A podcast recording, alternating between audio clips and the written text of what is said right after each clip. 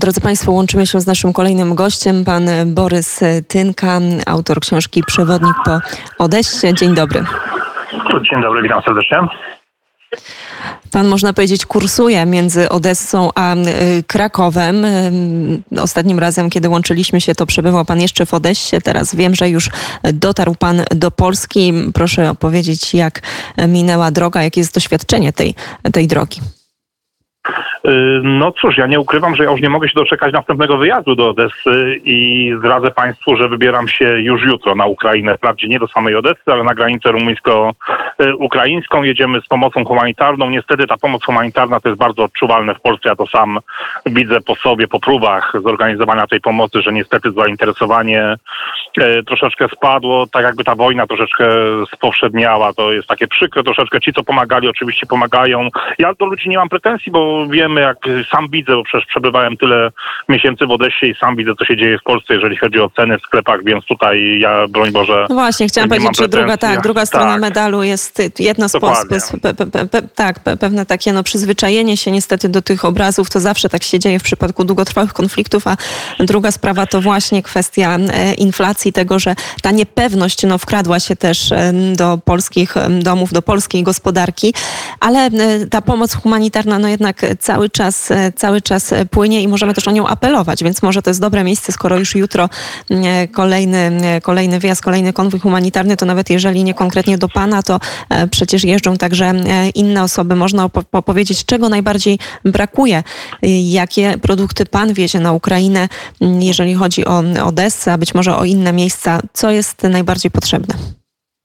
Ja tradycyjnie chyba zaproszę, tak jak zawsze to robiłem, zanudzę Państwa po raz kolejny, zaproszę na swój profil na Facebooku, bo tam cały czas systematycznie do znudzenia e, wrzucam całą listę w zasadzie potrzebnych e, produktów. My jedziemy jutro akurat, jedziemy na granicę rumuńsko-ukraińską Isak Czarłowka, ale za dwa tygodnie 29 e, lipca wybieramy się bezpośrednio do Odessy, więc naprawdę liczymy na Państwa pomoc. Ja wiem, że ta pomoc będzie, tym bardziej, że widzimy wszyscy, co się dzieje widzimy, pamiętamy, no, wiemy co się stało wczoraj w Winnicy. Akurat tak się złożyło, że my przez tą Winnicę przejeżdżamy praktycznie za każdym razem, jadąc do Odessy czy z Odessy do Polski, więc naprawdę to jest straszny widok i podejrzewam, że kto wie, może mijaliśmy to skrzyżowanie, gdzie ta wczoraj tragedia się stała. Wczoraj myślę, że to kolejna taka informacja, która, która załamała świat, kolejne obrazy, które nigdy nie powinny mieć, e, mieć miejsca. Mm, trochę z innej strony, ja teraz przebywam nad polskim wybrzeżem, jestem w miejscowości Ustka, tutaj już sezon w pełni, turyści przyjeżdżają, też osoby, mieszkańcy Ustki po prostu no, już, już nie przygotowują się, tylko po prostu starają się oczywiście zarobić jak najwięcej pieniędzy, jak najlepiej spożytkować ten krótki czas. Odessa jest także miejscem, miastem nadmorskim, teraz odeskie plaże, cały tak naprawdę ten pas nadmorski, można powiedzieć, zamieniły się niejako w linię obrony miasta. Ten teren w dużym stopniu jest e, zaminowany, tak aby zablokować Rosjanom wejście od strony morza. No ale pan wspominał kilka razy na antenie Radia Wnet, że jednak Odessa stara się żyć normalnie, że mieszkańcy nawet właśnie starają się jakoś też e, tą, tą mm, turystykę mm, e, uruchomić.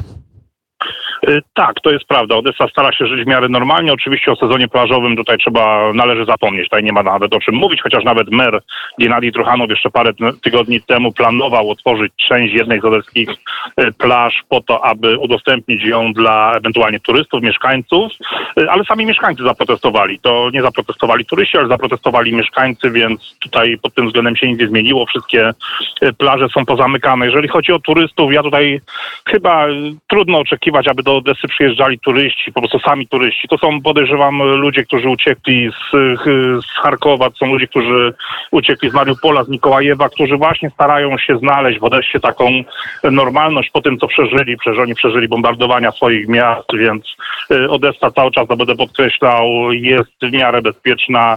Oczywiście jest w ciągłym zagrożeniu. Władze wojskowe cały czas to powtarzają, ale jednak mimo wszystko na pewno nie ma co sytuacji w Odessie y, porównywać do sytuacji właśnie y, w Mikołajewie Mikołajewie, który przecież wiemy, że i wczoraj i dzisiaj był zbombardowany, więc naprawdę Odessa w porównaniu do tych miast jest naprawdę spokojnym miastem.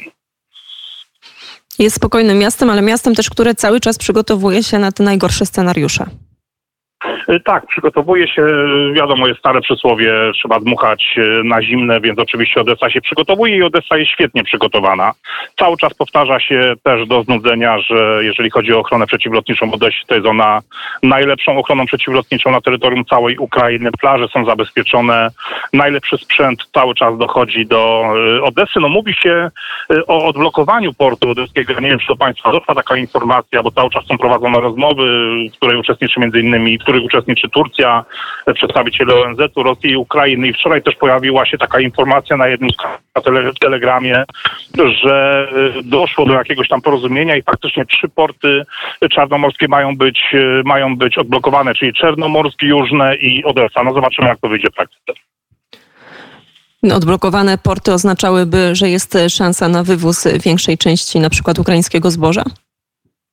Y, Tak, wydaje się, że tak. No teraz póki co statki, setki statków, y, które chciałyby odebrać ukraińskie zboże, gromadzą się w okolicach Dunaju. Ja przypomnę Izmaił, to jest bardzo duży port na, na Dunaju. Y, Tutaj nie będę mówił o kwestiach turystycznych, bo to jest piękne miasto, ale to jest port i jeszcze dodatkowo Reni. To są dwa porty, które teraz są wykorzystywane do wywozu ukraińskiego zboża. No ta informacja, o której ja mówię, to jest na pewno informacja jeszcze nie potwierdzona, bo wczoraj to naprawdę się pojawiło dosłownie tak szybciutko więc na jednym z kanałów telewizji, więc na pewno na oficjalne informacje y, należy poczekać. No zobaczymy, no miejmy nadzieję, że coś z tego faktycznie będzie, bo to już naprawdę nie chodzi o no chodzi o pomoc y, choćby krajom Afryki, prawda? No tutaj naprawdę szykuje się ogromny głód w biednych krajach, więc no trzeba coś z tym, y, no trzeba coś z tym zrobić.